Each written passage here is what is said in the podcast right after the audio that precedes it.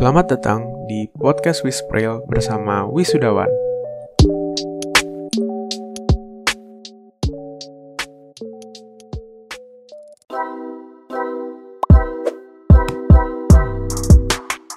Halo teman-teman semua, selamat datang di podcast Wispril HMS ITB 2021. Nama aku Yohana Natasha dari Artemis 19. Nama aku Iqbal dari Artemis 19 juga. Jadi di sini selama kurang lebih 40 menit kita akan seruang-seruan bareng nih. Kita akan berbincang-bincang dan pastinya bakal seru abis. By the way nih, Bal, uh, podcast kita kali ini kira-kira tentang apa sih? Nah, podcast kita kali ini bakalan sharing bareng bos-bos yang sebentar lagi bakalan wisuda. Tepatnya wisuda di bulan April nanti, yo. Wih, hal apa sih yang bakal kita bahas, Bal? Kita itu bakal bincang-bincang santai lah sama bos-bos tentang hiruk pikuknya selama di ITB, pengalamannya, dan hal-hal lain yang tentunya bakal insightful banget dan bakal seru. Makanya selalu dengerin podcast ini. Iya, oke deh. Kalau gitu kita nggak usah berlama-lama lagi ya. Lebih baik langsung aja kita sapa bos-bos kita yang kece ini. Halo semua bos-bos kalian. Halo ada bos Malvin, bos Givari, bos Amsyari, bos Eben. Boleh nih kenalan? Halo semuanya. Boleh kenalan mungkin dari apa? Uh, biasa akrabnya dipanggil siapa, terus angkatan berapa? Nih, bos-bos.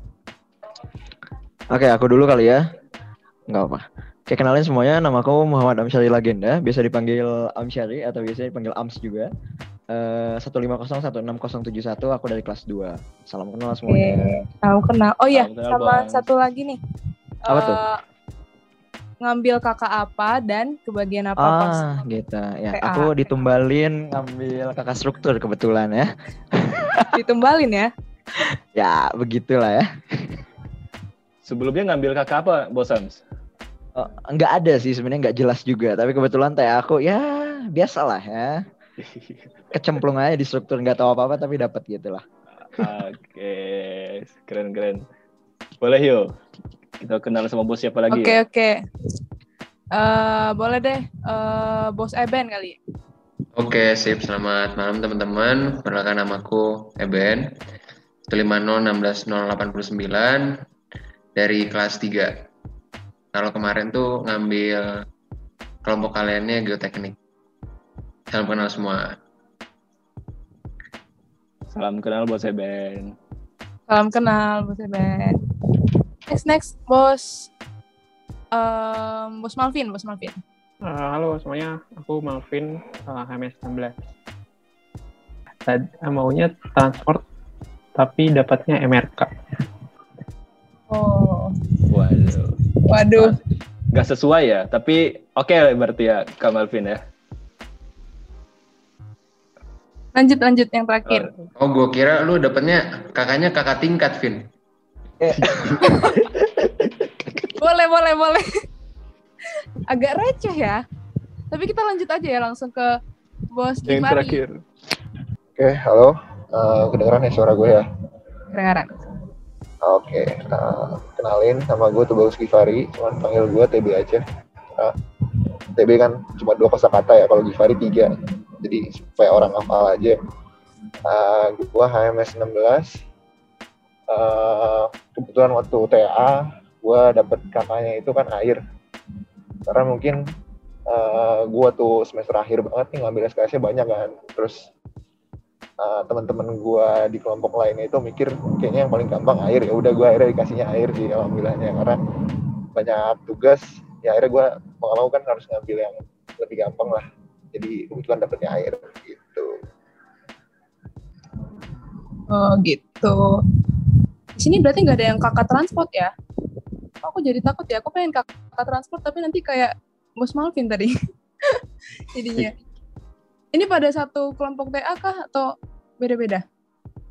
Enggak sih, kebetulan alhamdulillahnya nggak satu kelompok. Kenapa tuh Kak Bosams? Kok alhamdulillah tuh Bos? kasih ya teman-teman yang lain bakal oh. kebebanan gitu sama aku jadinya aku memudahkan. Kirain kebalikannya. Enggak, enggak. Oke. Okay. Oke okay deh. Langsung aja kita uh, lanjut ke pertanyaan template nih ya.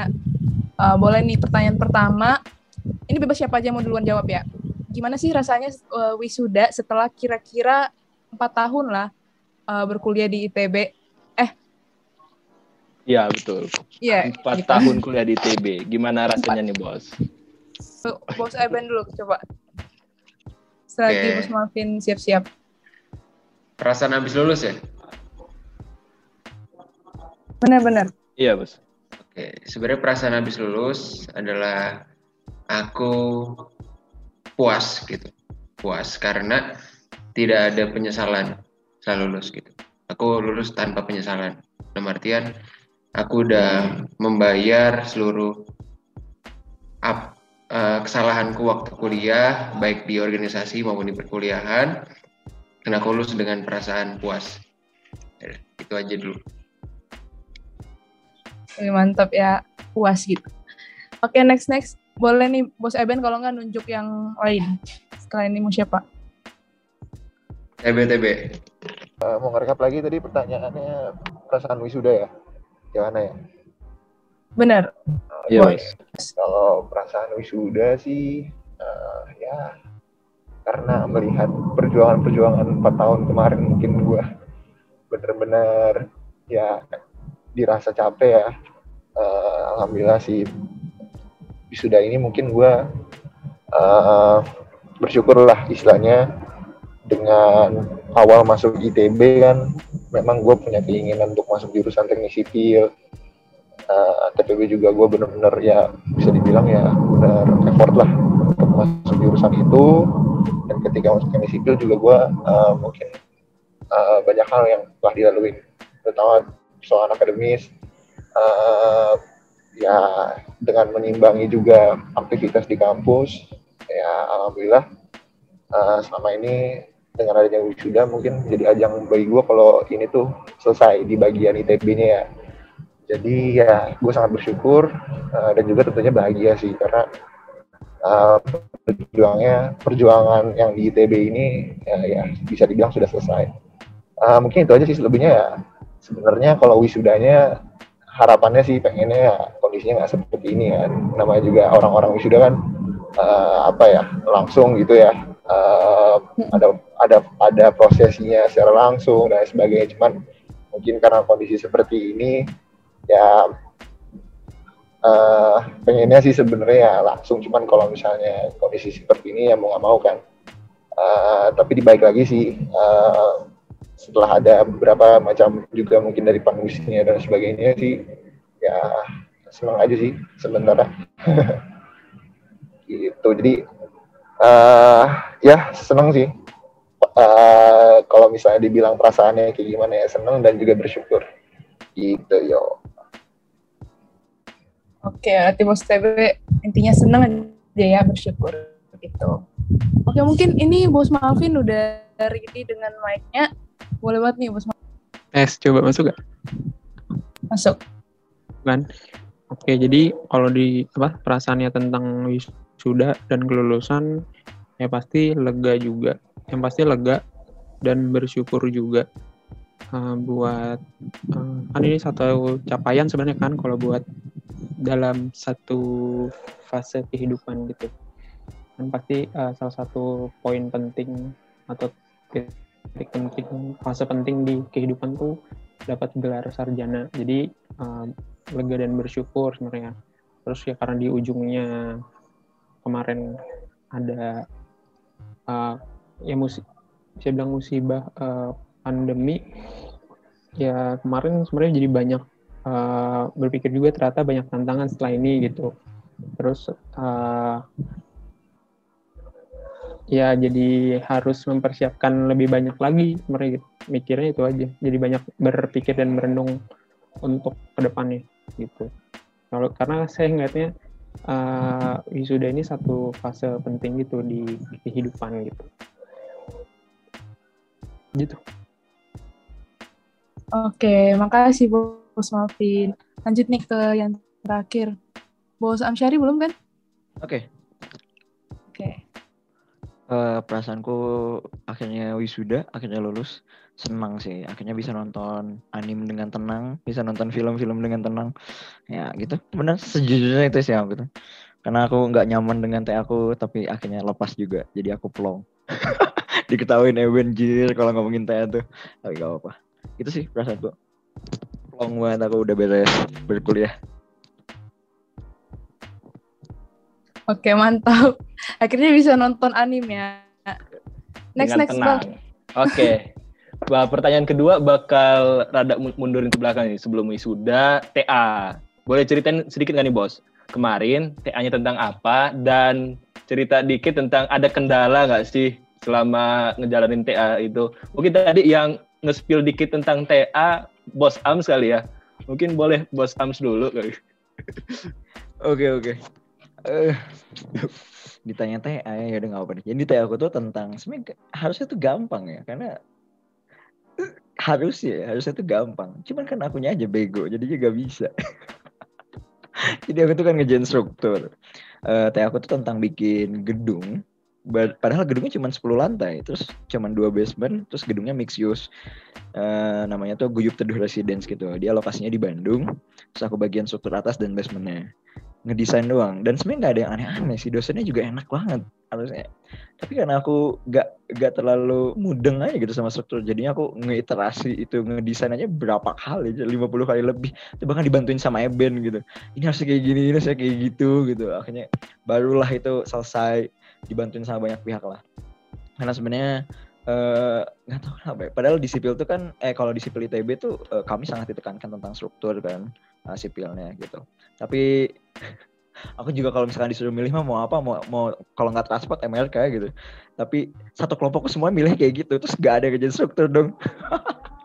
Ya udah deh aku ngerjain struktur aja. Dan aku sok-sokan banget waktu itu. Ya udah kali ya sama kali ya kayak tubes Rexrock. Sombong banget anjir sama kali ya kayak tubes Rexrock. Taunya ya tenot gitu. Ternyata emang harus ada expertise lainnya yang harus aku kejar gitu ternyata desainnya tidak sesimpel itu.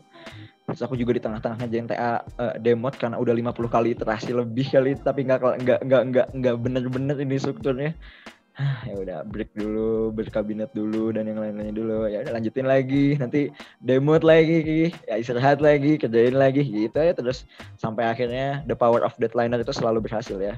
Akhirnya lulus bukan tepat waktu tapi literally in deadline gitu. Hari terakhir sidang di jam terakhir hari kerja akhirnya aku eh, dinyatakan lulus gitu. Mantap. Pokoknya makanya aku senang banget setelah lulus eh, atau setelah menyelesaikan TA tuh udah plong banget lah. Gitu kalau aku Oh siap, terima kasih Malvin apresiasinya ini, ini Malvin tuh anak HMS banget apresiatif gitu. Suka aku tuh sama Malvin tuh emang bagus gitu ya. Sangat-sangat pencitraannya bagus gitu ya Malvin, nice. Oke nanti kita akan spill di sesi selanjutnya bagaimana Malvin pencitraan. Lanjut. Boleh, boleh, boleh. Eh, makasih Bos Ams. Berarti banyak cerita, banyak perjuangan ya berarti ya Bos Ams. Dan banyak cerita juga sama Kak Eben berarti ya. Karena dibantuin mungkin ya iterasi kolaborasi lah ya kalau istilah HMS-nya ya. Oke. aku sih aku suka nyebutnya Eben tuh dosen kelima, dosen pembimbing kelima aku gitu. Iqbal dosen eh, pembimbing keenam gue gitu. Kalau nggak ada mereka aku nggak akan bisa ngejain TA ini. Oke, oke, oke. Uh, thank you Bos Ams. Mungkin selanjutnya Bos siapa ya? Bos TB deh, boleh. Boleh ceritain nggak Bos tentang TA kemarin dan ada cerita-cerita atau kendala-kendala nggak Bos? Oke, eh, mungkin dari awal ya, dari awal banget karena ceritanya sangat berkesan dari awal sih menurut gua karena semenjak TA tuh hal yang paling ditakutin adalah ketika pembagian kelompok bagi gua dan juga pembagian dosi dosen sorry. Nah, eh, takutnya kan khawatirnya dapat dosen yang mungkin yang susah ataupun yang gampang itu karena suatu kekhawatiran yang menurut gua pasti ada di masing-masing orang lah istilahnya pun juga kelompoknya. Dan setelah pembagian kelompok eh, sudah berjalan lah ya. Gue inget banget di UPSI waktu itu. Melihat kelompok gue anggota-anggotanya wah benar-benar bisa dibilang apa ya? Ini teman main gue semua gitu kan. Bukan orang-orang yang eh, apa ya benar-benar mungkin ya ada eh, beberapa orang yang ambisius banget ya gue akuin mungkin temen gue juga ambis sih. Cuman eh, bagi gue adalah sesuatu hal yang lucu ketika kita semua dipersatukan menjadi satu kelompok. Dan orang-orang pun juga ngeliat nih kayaknya eh, anggota-anggotanya lucu-lucu juga gitu. Bahkan ada yang mungkin gue gak nyebutin orangnya lah ya, yang menyamatin selamat anda bakal Wispril gitu. Nah jadi eh, pada intinya eh, berjalan lah akhirnya uh, dengan mungkin kita kita aja uh, anggota-anggota kelompok gua uh, tapi alhamdulillah lah meskipun anggota kelompok gua bisa dibilang chemistry-nya rada lucu uh, tapi dosen-dosennya uh, apa ya bisa dibilang sangat koordinatif dan sebagainya. Jadi uh, awal-awal kita mungkin termasuk yang uh, paling cepat untuk semprop ya seminar progres uh, mungkin kelompok ketiga atau empat gitu gue lupa. Uh, terus uh, karena masalah pandemi akhirnya kita harus melanjutkan uh, pekerjaannya masing-masing uh, di lokasinya masing-masing tapi uh, karena kebetulan banget uh, apa ya istilahnya pas lagi masa-masanya mau sidang itu uh, ada tiga atau sorry dua teman gua nih yang berada di lokasi yang sama uh, jadinya kita menjalankan TA-nya itu di suatu lokasi yang sama dengan protokol COVID tentunya gitu. Uh, sidang juga pun uh, kita bertiga bareng-barengan. Uh, tapi yang satu ini karena lokasinya di uh, Batam jadinya dia sendiri yang online. Uh, terus ya alhamdulillah sih berjalannya dengan lancar hingga akhirnya semuanya uh, mungkin bisa lulus pada bulan Oktober. Gitu. Uh, jadi mungkin gambarannya seperti itu sih uh, hal yang berkesan bagi gue ya.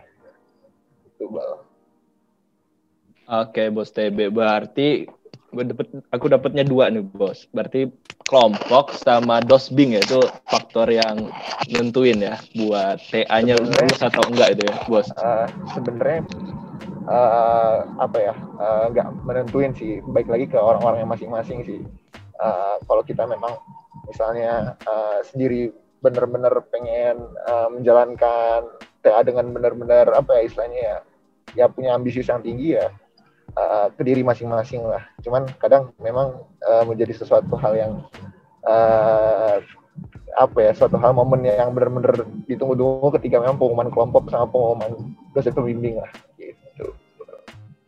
Oke siap, makasih bos. Uh, abis ini ke bos ada dua lagi nih belum. Bos Malvin deh boleh bos. Gimana bos?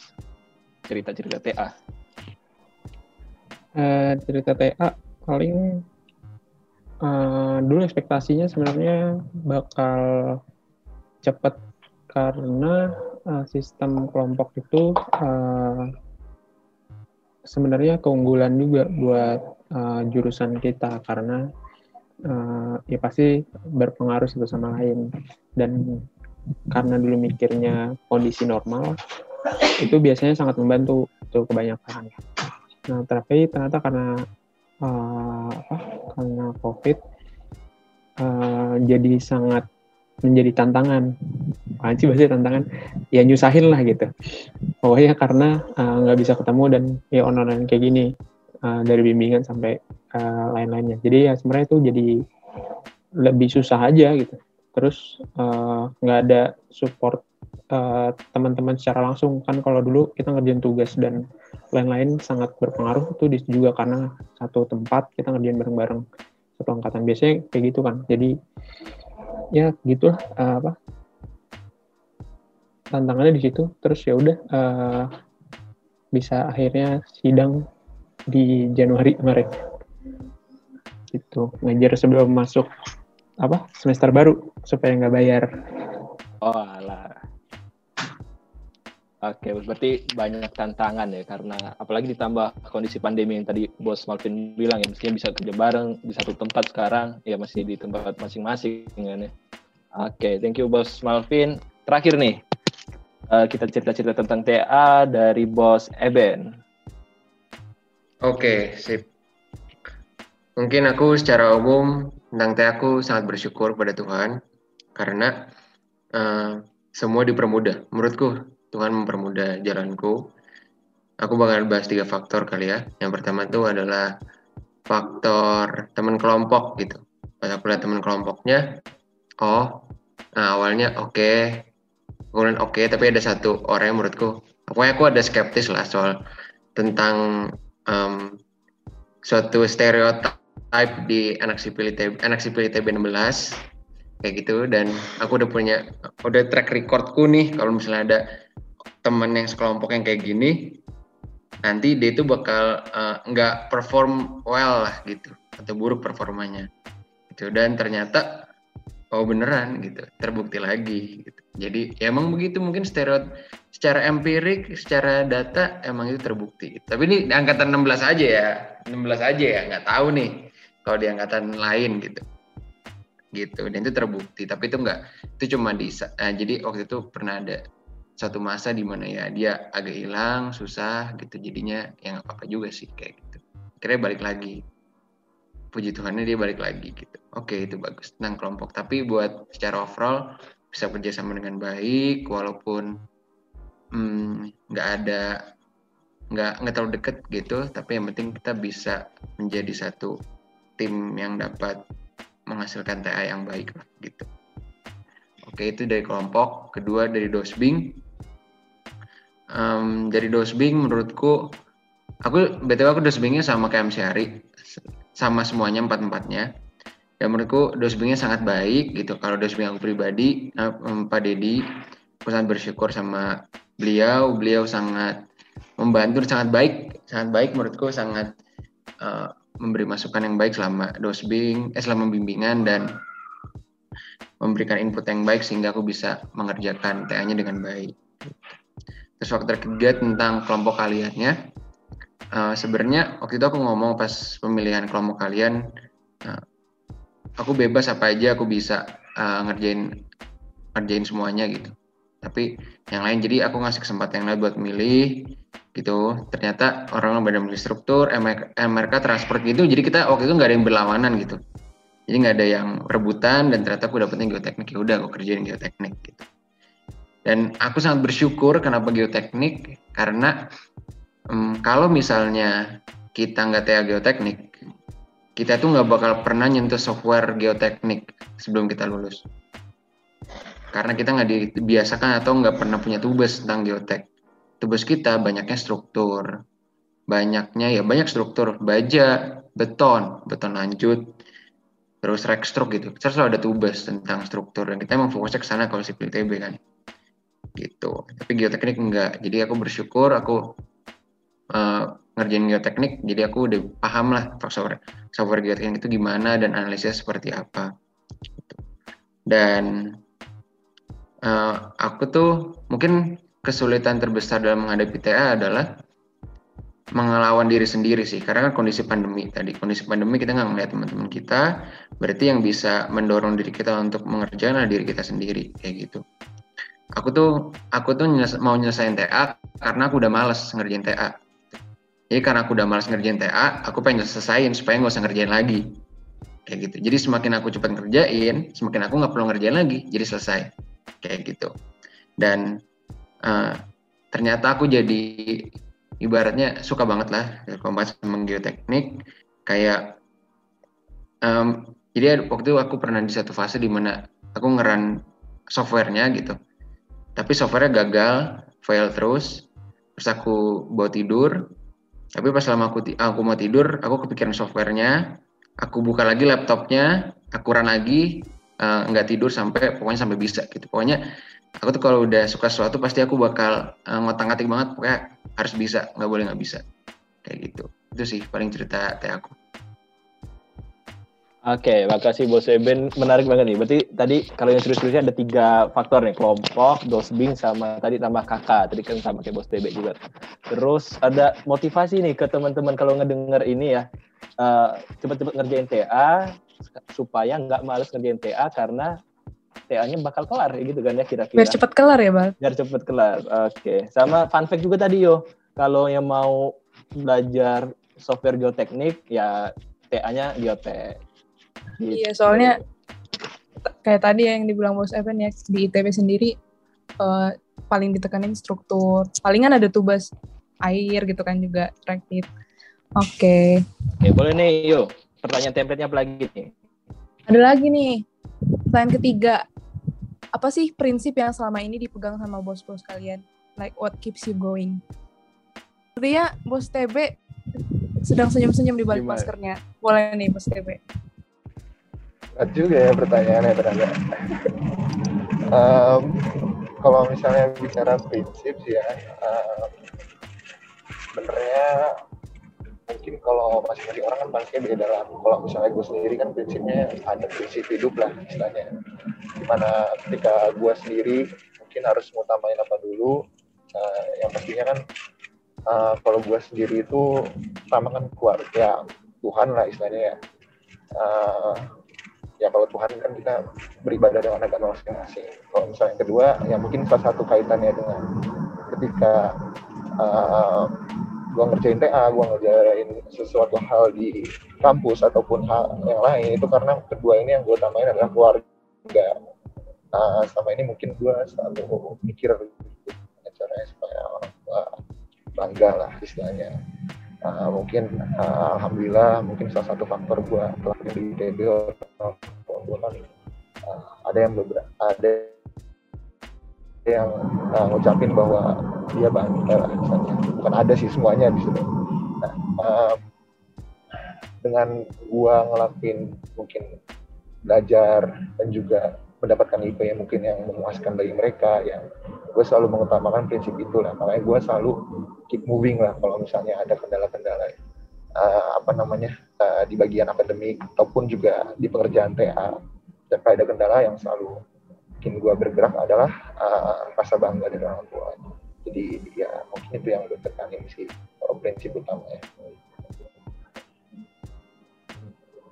Oke, okay, thank you KTB. Berarti tadi ada dua hal ya yang jadi uh, yang mungkin jadi motivasinya Bos TB gitu ya. Pertama Tuhan, terus kedua keluarga. Oke, mungkin Kak Malvin kali ya boleh share juga tentang prinsip yang dipegang. Uh, kalau prinsip, kayak paling uh, jangan setengah-setengah. Jadi kalau aku mikir kalau memang udah memilih ya uh, melakukannya dengan sebisa mungkin uh, yang terbaik itu tapi walaupun ada tantangan pasti ada sih. Uh, apa? Gagal-gagalnya gitu. Uh, jadi nggak 100% tapi uh, dari awal ditentuin dulu kalau sudah memilih uh, ya pasti usaha 100% uh, untuk apa pun yang dipilih. Gitu. Jadi uh,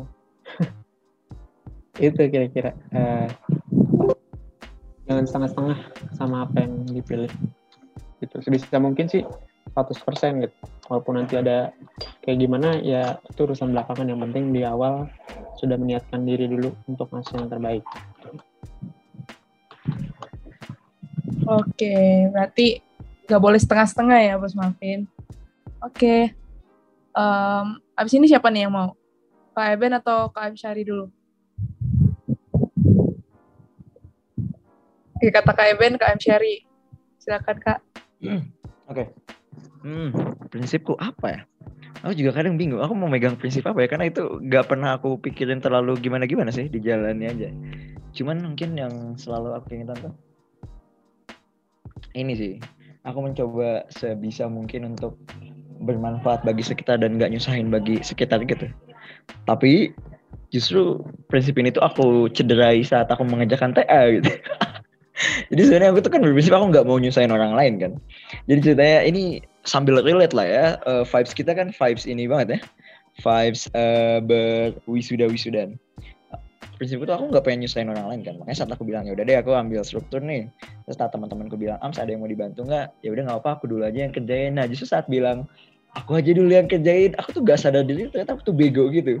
Justru dengan aku nggak dibantu, malah jadi ngehambat a whole team gitu. Jadi ngehambat keseluruhan tim. Sebenarnya itu sih yang salah. Di saat aku pengen nggak nyusahin temenku dengan aku mencoba mengerjakan ini sendiri malah uh, nyusahin temenku jadinya menghambat keseluruhan kerja timnya. Gitu sih. Tapi aku uh, selama aku bisa membantu dan selama aku nggak bisa nggak nyusahin orang lain bisa nggak nyusahin orang lain itu sih paling yang coba aku usahain. Sekali ya prinsipku. Dan yang aku rasa selalu dipikirkan dan dicoba diamalkan kira-kira gitu oke okay, next Eben Eben nih panjang nih kalau ngomongin kayak beginian nih ya, resapi aja nih kalau Eben ngomong kayak ginian resapi aja boleh langsung boleh. ke Eben silakan bos Eben silakan Aduh, silakan enggak. Oke. Mungkin dari aku, mungkin kita itu dulu kali ya. Kan kalau di AMS kita udah ajarin lah asas prinsip tujuan pas pas gitu. Ibaratnya kayak di jalan, terus as itu jalannya, tujuan itu ke mana kita mau melangkah, prinsip itu ibaratnya pagar yang di eh, pinggir-pinggir jalannya gitu. Ya prinsip kan berarti apa sesuatu hal yang buat kita tuh tetap stay on track kayak gitu. Nah, terus eh, nggak tahu Evin berat atau salah ya. Kalau gue denger gitu, begitu. Terus eh, kalau dari aku sih ada dua. Yang pertama adalah fokus kepada apa yang ada sekarang, kayak gitu. Jangan fokus pada apa yang akan terjadi nanti gitu. Karena apa yang terjadi di masa depan tuh belum tentu kejadian gitu. Jadi apa yang harus kita kerjain sekarang kita fokus ke situ. Kita fokus ke apa yang kita punya, kita fokus ke apa yang bisa kita kerjain, kita fokus ke teman-teman kita. Gitu. Jadi uh, nikmatilah prosesnya, jangan sampai kita mikir, oh nanti gimana bisa, nanti gimana ya kalau kayak gini, nanti gimana ya kalau gitu. Itu nggak usah dipikirin, karena itu nggak bisa kita kontrol. Yang bisa kita kontrol adalah apa yang ada sekarang, apa yang bisa kita lakuin, teman-teman kita.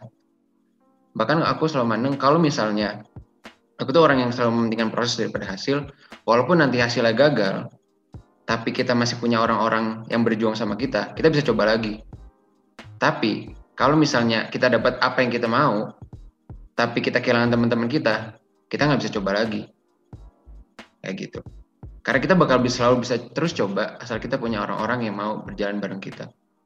Jadi nikmatilah prosesnya. Makanya kalau bahasa Inggris kan hari ini kan present kan, hadiah lah, anugerah gitu hari ini. Jadi fokusnya ke hari ini aja. Kayak gitu.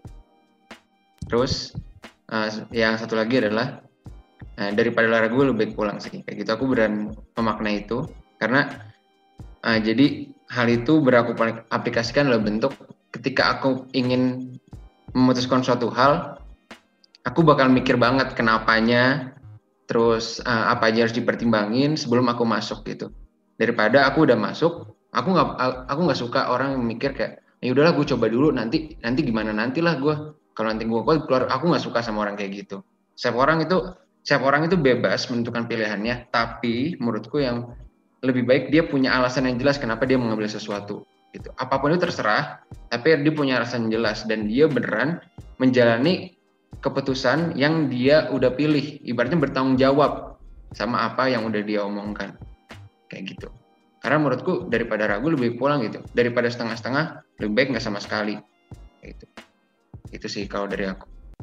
Jadi pas aku capek kayak ah masa gini aja nyerah, masa lu udah nentuin di awal gitu kayak pasti aku selalu ingat remember, remember why you started kan aku selalu ingat kenapa aku mulai ini jadi aku bakal terus jalan sampai aku dapat atau misalnya aku udah sampai ujungnya Oke, mantap banget, Mas Eben. Berarti tadi apa ya? Uh, intinya fokus pada apa yang ada hari ini ya, apa yang ada sama kita sekarang ini gitu kan. Jadi pertanyaan keempat ini tentang masa depan lah istilahnya. Rencana bos bis abis ini setelah wisuda ini apa nih? Ini kok pada ketawa ini, ini seru nih kayaknya. Boleh ini, dari Bal, jangan lupa si siapin ini apa namanya kayak snack gitu minumannya. Ini soalnya panjang ini abis ini. Oh iya benar. Udah siap kok gua. Udah siap kalau minum. Kira-kira siapa nih yang bakal panjang duluan nih? Tadi aku lihat Kamsyari paling ketawa-ketawa boleh nih kamu sharing. Iya. Atau yang uh. yang terakhir siapin pidatonya ya. boleh nih kamu sharing. Aduh, kalau ditanya kayak gini tuh aku suka bingung sendiri juga anjir. Hmm. Sebenarnya aku uh, memegang prinsipnya Eben yang istilahnya live in the moment juga, tapi terlalu live in the moment sampai nggak prepare for the future juga gitu. Sebenarnya agak-agak ke sana bahasan-bahasan kayak gini tuh aduh ini sering-sering banget ya kita obrolin. Kalian kalau misalkan pengen jawaban yang bagus jangan dari aku. Aku nggak tahu kalau misalkan TB sama Alvin tapi aku tahu jawabannya Eben bagus. Nanti dengerin aja jawaban Eben. Berarti kayak Eben yang terakhir ya? Oke okay, oke. Okay. boleh deh Eben keep the best for the last aja ya.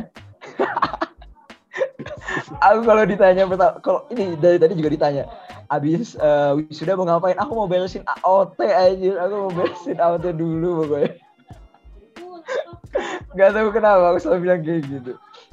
Kalau misalkan orang-orang suka pada bilang gak, gak udah play belum atau apa, sebenarnya aku nggak terlalu belum nyiapin hal kayak gitu karena aku belum selesai juga. Uh, ya mau masih mau berkabinet dulu. Aku pengen coba menikmati Ramadan dengan tenang, jadi nggak terlalu gurung gusuh lah ya kalau bahasa Sunda ya tuh. Nggak usah terlalu berburu, terburu-buru. Ya tapi harus aku siapin lah ya. Enggak dong, enggak empat hari lagi. Apa empat hari lagi apa LPG kabinet? bukan awan sih. Asal lihat bahasa Sundanya ya udah kayak gitu. Tapi kalau misalkan ditanya sebenarnya apa sih yang Amsari mau setelah lulus tuh? Sebenarnya aku eh, masih berpikir eh, konvensional gitu. Aku tetap pengen lanjut di sipil sebenarnya. Tapi banyak lah ya hal-hal yang menimpa menimpa aku gitu. Bahkan baru aja tadi pagi tuh aku habis makan makan makan sarapan sama Kaldi. Oh ya ada salam Vin dari Kaldi tadi pagi dia lagi nginep di kosan gue eh Kaldi itu adalah kahim AMS 2 tahun lalu. Terus katanya dia sekarang udah nggak di persipilan lagi lah ya karena dia merasa eh, beda jalan yang ingin dia tempuh dengan yang udah dilakukan gitu. Tapi aku masih kekeh gitu kak kenapa nggak di sipil? Di sipil pokoknya di sipil di sipil di sipil, di sipil. Gitu. tapi eh, terus ada tiba-tiba bapak-bapak datang gitu kita lagi sarapan ada bapak-bapak datang gitu. Terus bapak-bapaknya tuh akhirnya ngobrol-ngobrol dengan kami akhirnya dia ngomong gitu. Sebenarnya yang penting dari eh, setelah kita kuliah ini tuh bukan bukan gimana kita melanjutkan eh, apa yang sudah kita dapatkan gitu tapi pola pikir dan cara kita berpikir selama kuliah itu sebenarnya yang penting yang bisa diterapkan di mana pun. Meskipun aku nggak terlalu masih denial dengan statement itu tapi sebenarnya itu ada benernya juga gitu kemarin waktu reflection night-nya sudah apel terpusat aku nyampein ini juga aku tuh selalu merasa bingung sama orang-orang yang di teknik sipil tapi dia nggak ngambil sipil selanjutnya karena aku merasa bahwa sipil ini tuh eh, ilmu yang kita dapat selama kuliah itu adalah ilmu dan ilmu itu adalah amanah yang sebenarnya dititipkan kepada kita untuk kita eh, amalkan untuk kebaikan di kemudian hari. Aku tuh sebenarnya punya, punya punya pola pikir konvensionalnya kayak gitu. Tapi ternyata setelah aku coba renungkan tadi, gara-gara bapak-bapak menyeletuk kayak gitu dan bikin aku, iya juga ya. Ilmu apa pun pola pikir yang udah kita asal selama eh, kuliah tuh itu benar juga. Tapi aku masih sampai malam ini sampai jam 7.48 ini aku masih denial gitu sih dengan segmen itu. Tapi nggak tahu deh besok pagi setelah aku bermimpi apakah aku jadi menerima tawaran di bank mana gitu atau gimana. ini lucu sih tadi aku habis ngobrol gitu sama salah satu aku ada kakak tingkat eh, yang dia lagi megang ngelit salah satu programnya di ruang guru gitu. Terus Ams mau nggak sini daftar di ruang guru? Iya ada aja lagi yang kayak gini. Kenapa ya suka bertubi-tubi gini? Padahal kemarin banget aku tuh habis dicet di itu salah, salah sama salah satu teman HMS 16 ruang dosen. Aman. Ams ini ada tawaran nih jadi konsultan individu di eh, Kementerian PUPR ya oke mungkin aku aku juga pengen gitu ya. Oh ya mungkin ini aku nggak apa deh ya kalau kita punya suatu keinginan tuh harus selalu kita umbar-umbar ke orang lain meskipun nggak tahu lah ya akan terlaksana atau enggak aku tuh selalu eh, nyeletuk bodoh aja gitu. Kalau ditanya Ams mau ngapain habis ini? Aku mau jadi menteri gitu. Pokoknya aku bilang aja gitu aku pengen jadi menteri. Nggak tahu gimana cara jadi menteri terserah ya pokoknya jadi menteri ya. Bodoh emang ya. Udah. Aku pengen jadi menteri pengen jadi menteri PUPR gak tahu juga gimana caranya tapi aku pengen jadi menteri PUPR tapi aku nggak mau PNS bisa nggak sih? Kata Eben nggak bisa bodoh dasar. Oh ya gitulah ya.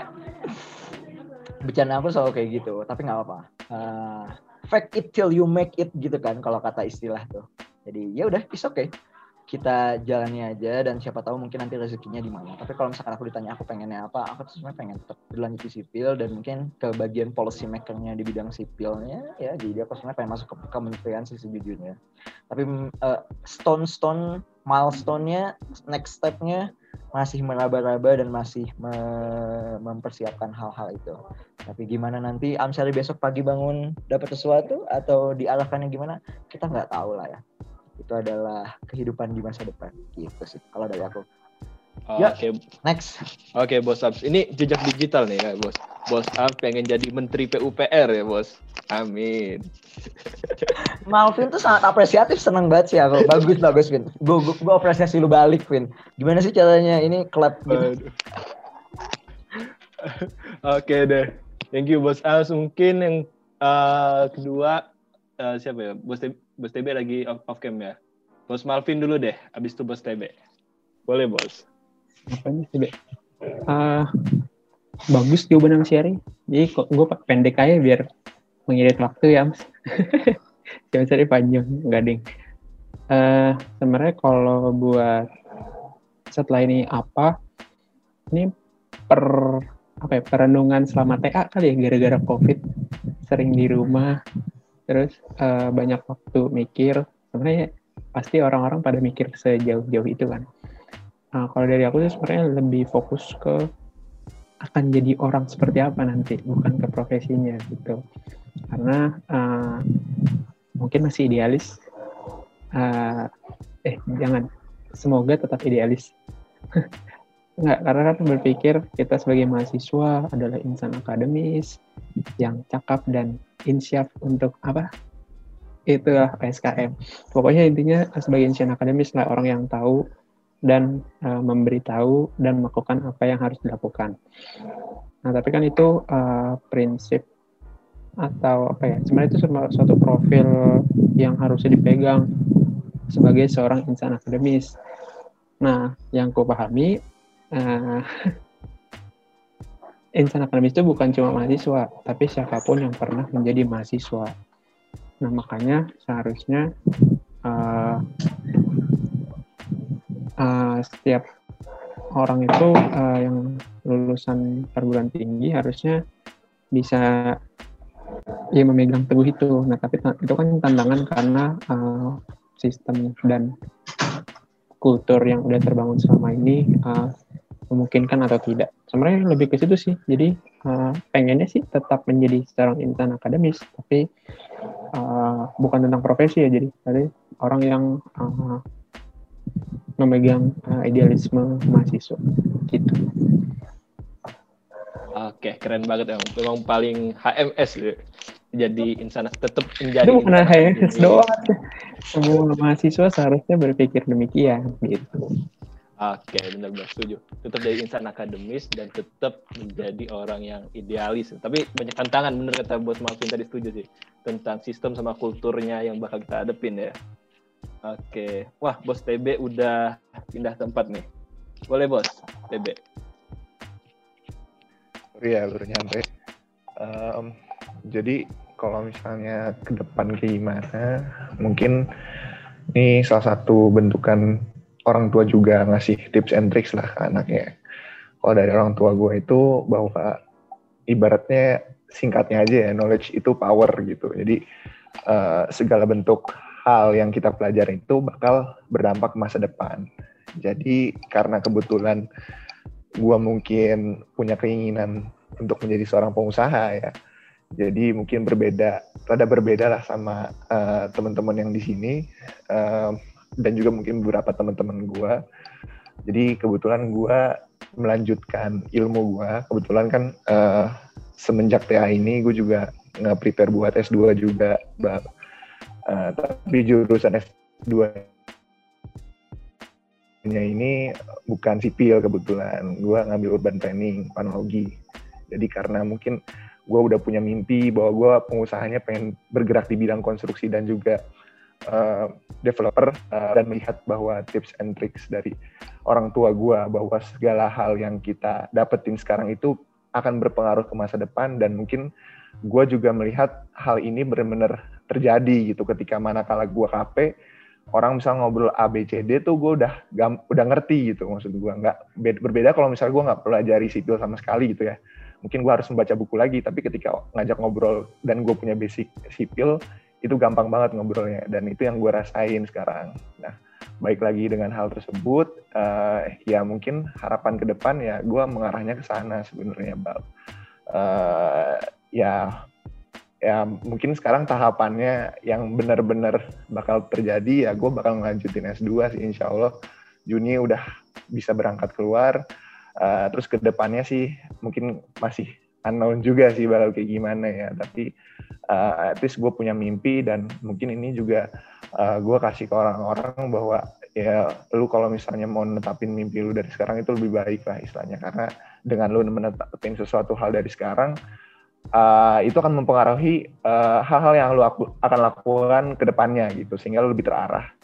Ya mungkin itu aja sih gambarannya. Oke, okay, thank you KTB. Tapi sempet apa ya?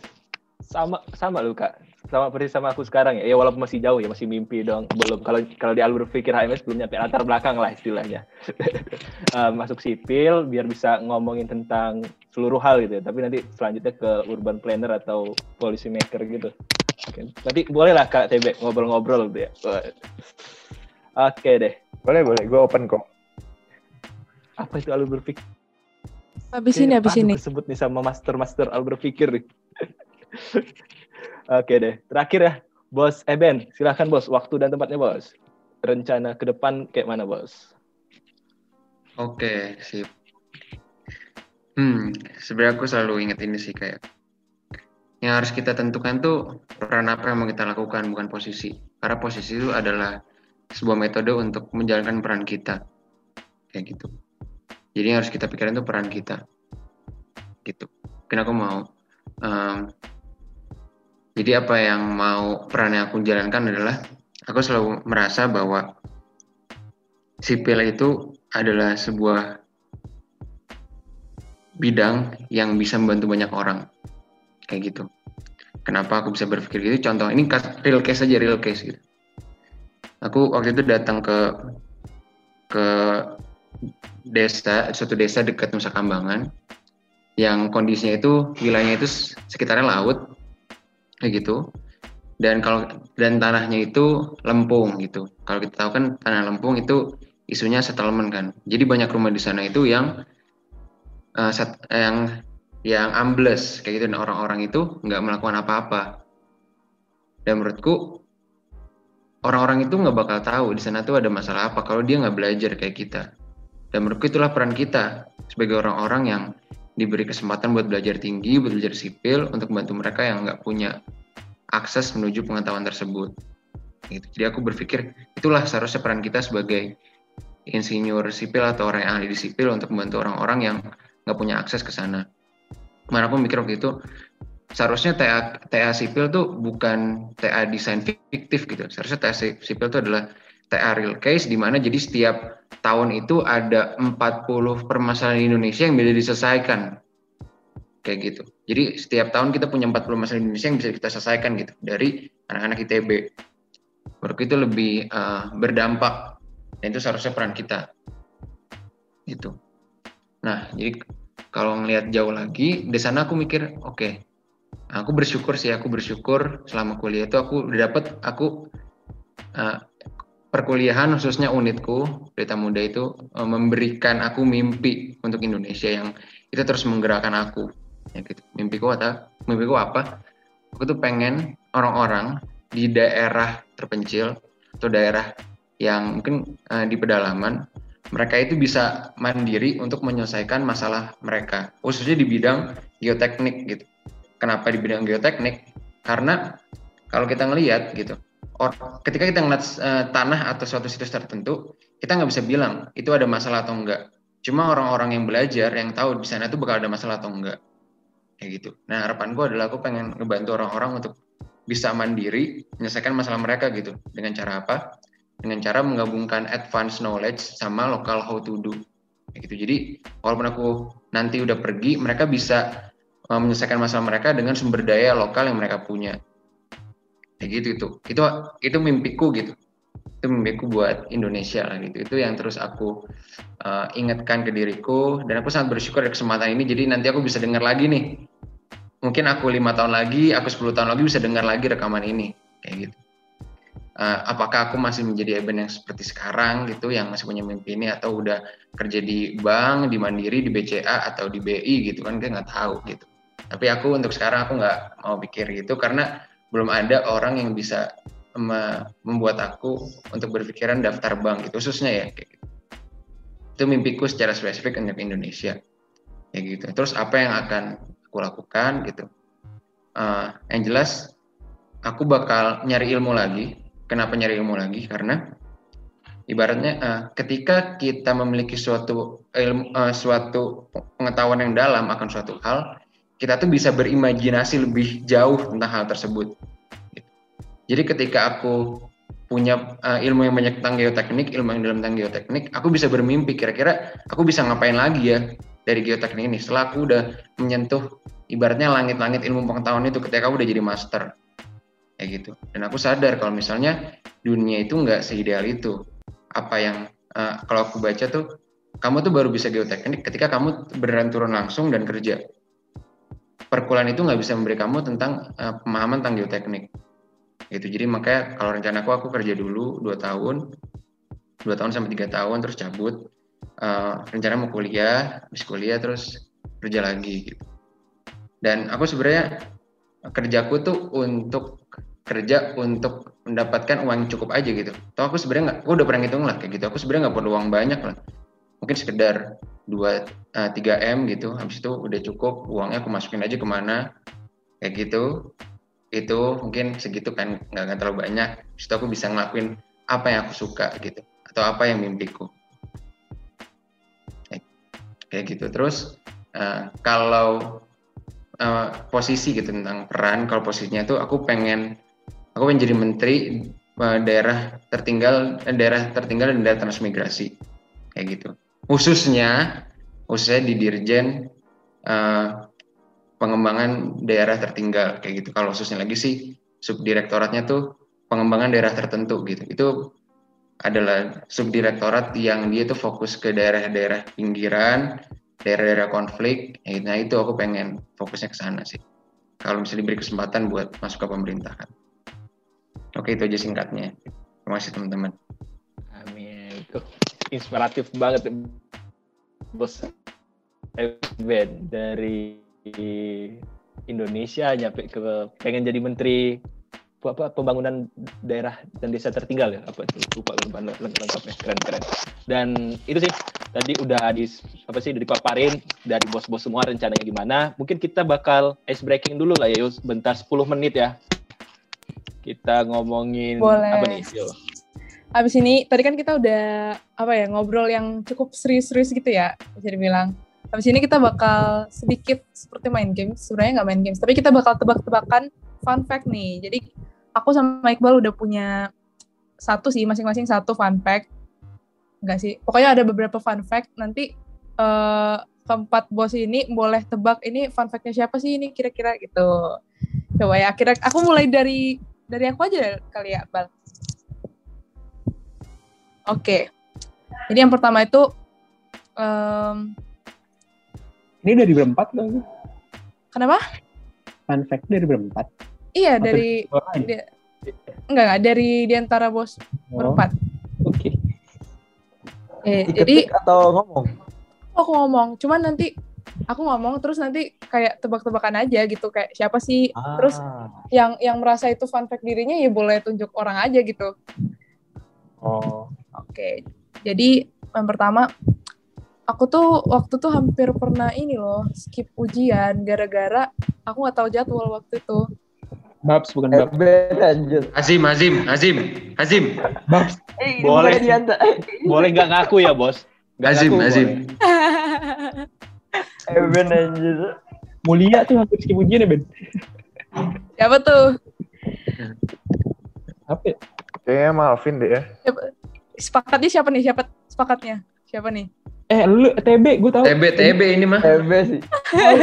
Tenang aja. Jadi gimana bos TB? Bener nggak?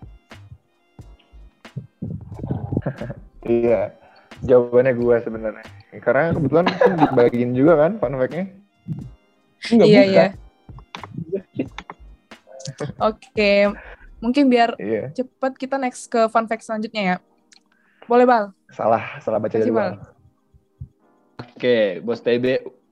Ini bisa dua kali nih nggak tahu nih. Bisa ada yang dua kali mungkin ya. Ini terus fun fact kedua itu orang yang nggak pernah masuk dapur kosan sendiri padahal. Siapa tuh? Marvin, Marvin, Alvin. langsung kesebut. fix, Gimana? fix. Yang lain gimana? Marvin Eh, fix. TB juga pernah. Iya, Malvin. Karena karena TB nggak di di kosan, Amsyari nggak punya dapur, Marvin doang. Lu emang? Oh, gue mau masak. Waduh. Boleh, bos Malvin Keren ya. Boleh bos, klarifikasi Bos? singkat lah. Eh, bener atau enggak bos? Tahu sih siapa sih yang ngasih fun fact? Ada deh. Banyak intelnya. Jauh juga. Iya nggak pernah. Eh, masuk sih cuma cuci tangan. Oke oke. Yang ketiga, fun fact ketiga yuk. Em, gue tuh orangnya selalu kuy-kuy aja kalau diajak main walaupun bahkan gue lagi sakit waktu itu. Eh, ben lah. Ben Eh, Ben lah ini mah Ben Jil.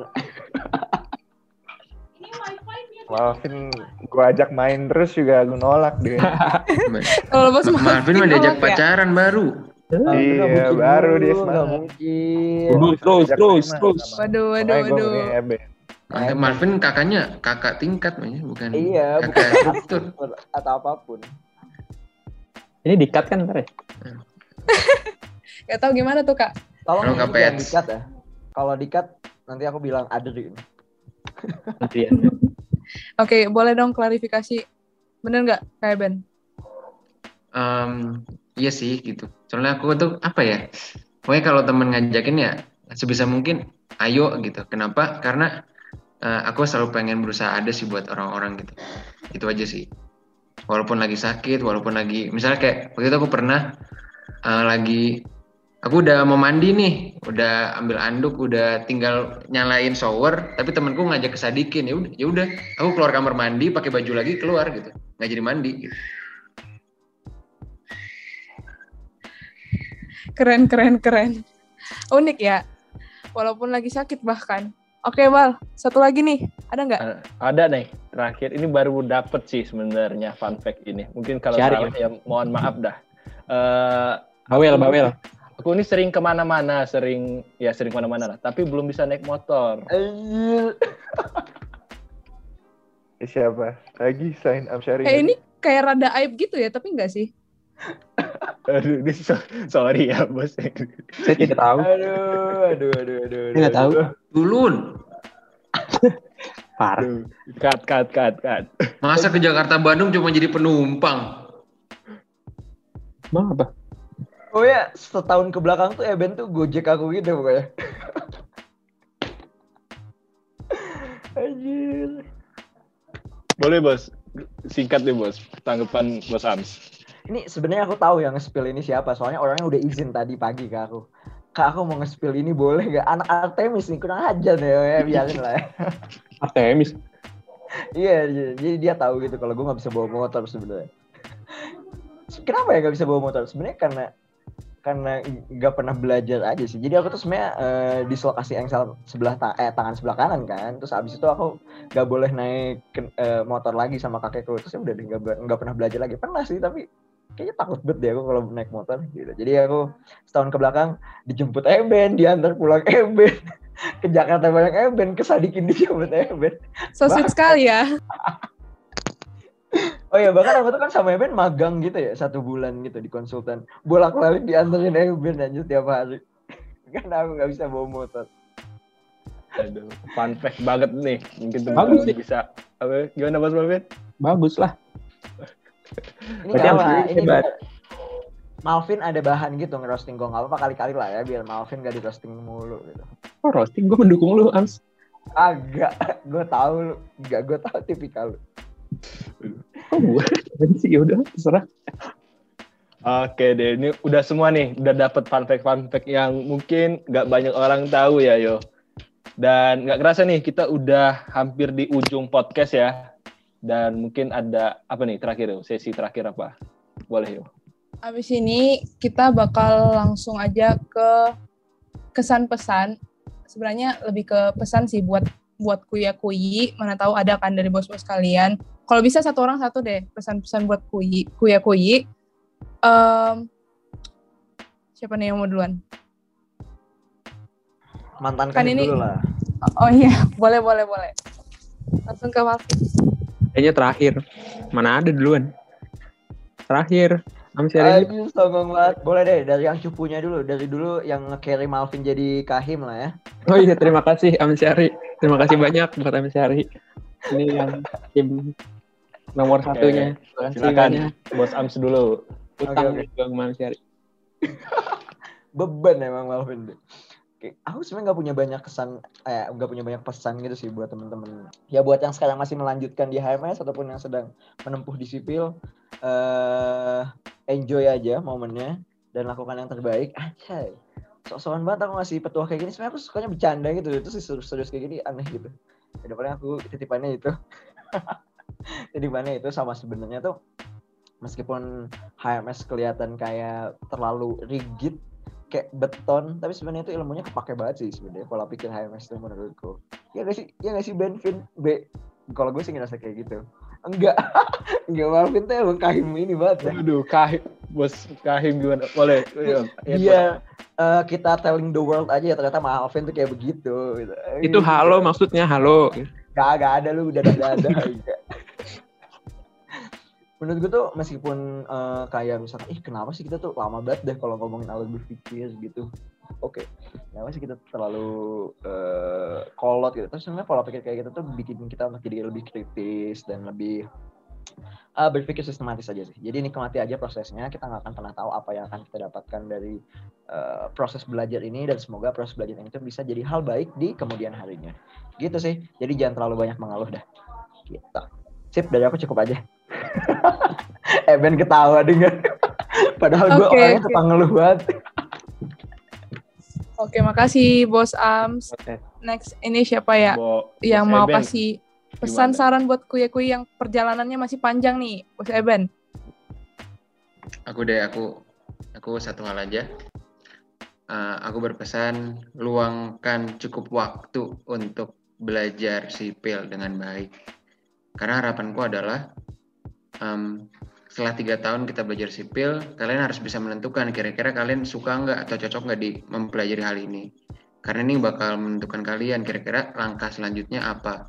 Gitu. Karena ketika kalian lulus, udah nggak ada lagi tuh jenjangnya gitu. Kalian bisa jadi apa pun yang kalian mau gitu dan sipil ini adalah ibaratnya suatu modal gitu kalau kalian aja nggak tahu kalian punya modal apa terus kalian mau gimana langkahnya gitu jadi jangan sampai nanti di akhir kita bilang ah gue nggak tahu nih gue suka sipil atau enggak gitu tapi harapanku di akhir semua orang udah bisa bilang menentukan gue nggak suka sipil gue suka sipil gitu supaya bisa nentuin next stepnya bakal kayak gimana ke depannya itu sih dari aku Wih, oke. Thank you, Kak Eben. Ya, keren bos. Mantap, Eben. mantap. Terakhir ini dua mantan petinggi HMS ya yo. Ya, kayak kita boleh apa sisihkan Kak Malvin di akhir aja. Sekarang KT- KTB sekarang. Oke, kalau kesan dan pesan kan mungkin kalau untuk masing-masing angkatan nanti juga ada di refleksi ya, kalau nggak salah ya. Nggak tahu sih kalau ada nggak tahu nggak gitu ya. Tapi ini buat seluruh aja lah, buat seluruh kuya-kui di HMS. Em, kalau dari gua sih ya mungkin dari pengalaman juga, eh, kalau lu bisa mendefine eh, lu pengen jadi apa 10 tahun atau 20 tahun ke depan, itu lebih baik lah istilahnya. Karena semakin lu tahu lu bakal mau ngapain, semakin lu detail lah dalam perencanaan lu dan lu benar-benar siap menghadapinya untuk ke depannya. Jadi eh, pun juga misalnya dari mungkin yang angkatan yang eh, 19-18 nanti mau ngambil mata kuliah pilihan, eh, itu menurut gua krusial juga karena mungkin lu pengen mempelajari hal-hal yang lain kan. Eh, kalau misalnya memang nanti kebijakan kurikulumnya sama ya kayak angkatan gua gitu jadinya eh, ya define eh, lu mau jadi apa 10 tahun 20 tahun 30 tahun ke depan bahkan ntar juga eh, titik akhir lu mau kayak gimana itu kalau memang lu bisa mendefine dari sekarang itu lebih baik Eh, karena dengan demikian lu bisa tahu nih ke depannya jalan-jalannya gimana sih supaya lu menuju tujuan ke sana palingan itu sih dari gua bal Oke, thank you banget Eh, Bos TB pesan-kesannya. Terakhir ya, yo Ya, terakhir dari nih Bos Malvin. yang ditunggu-tunggu. Itu Karena kan yang terakhir. Oh iya benar. Eh, eh, pesan kalau Amsyari tadi tentang kehidupan, Eben tentang perkuliahan, TB tentang masa depan. Nah, belum tentang HMS berarti kan? Ya kalau HMS eh, menurut gua adalah eh, karakter, cara pandang dan gaya hidup.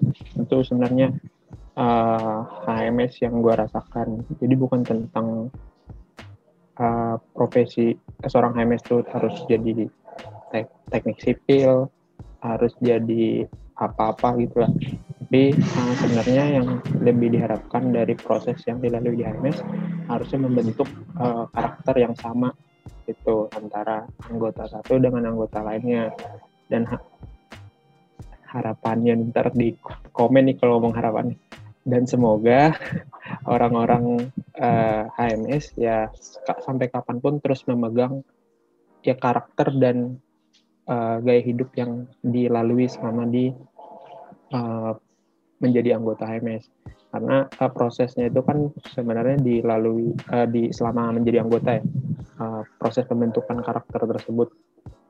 Nah dan teman-teman sendiri yang sebenarnya bisa menentukan eh, karakter apa yang harusnya di ada di sebagai seorang HMS dan harapannya sih ke depan sampai kapan pun kita terus bisa ketemu eh, karakter tersebut di setiap anggota HMS sampai kapan pun. Jadi ketika udah tua atau ketika di masa depan nanti ketemu kita masih bisa terus melihat ada karakter HMS yang HMS ITB, Eh, ada karakter HMS ITB yang sama-sama kita pegang gitu. Jadi HMS itu tentang karakter dan silakan teman-teman uh, akui ya eh, anggota HMS terus eh, mencari pembentukan jati diri teman-teman salah satunya di HMS gitu. Tuh. Kalau di bank juga nggak apa-apa, yang penting ada pola dan pola pikir, cara pandang dan lain-lain yang dipegang gitu sebenarnya kalau dari gue. Oke, thank you banget Bos Malvin. Wah, udah terasa nih kita udah banyak banget ngobrol-ngobrol tadi, udah banyak banget yang kita bahas dan udah udah lebih dari 40 menit nih kayaknya. Makasih banget eh, buat bos-bos kalian, buat bos Eben, bos TB, bos Malvin, dan bos Amsyari udah meluangkan waktunya. Banyak banget hal yang tadi kita dapat, menarik-menarik banget, banyak insight yang kita dapat. Eh, sampai juga tadi udah ngasih pesan buat kuya-kuyi Jadi yang terakhir sekali lagi kami ucapkan selamat wisuda buat bos-bos kalian, bos Eben, bos TB, bos Ams dan bos Malvin. Semoga sukses terus dan sehat selalu. Ditunggu kabar baik berikutnya. Akhir kata, aku Yohana. Dan aku Iqbal, kami pamit undur diri. Jangan lupa untuk follow IG Wisuda HMSITB di @wisudaHMSITB dan sampai jumpa di podcast Wispril HMSITB 2021 selanjutnya. Bye-bye. Bye. Thank you, bos. Thank you. Terima kasih sudah mendengarkan podcast Wispril bersama Wisudawan episode kali ini. Jangan lupa untuk dengerin episode yang lainnya juga ya.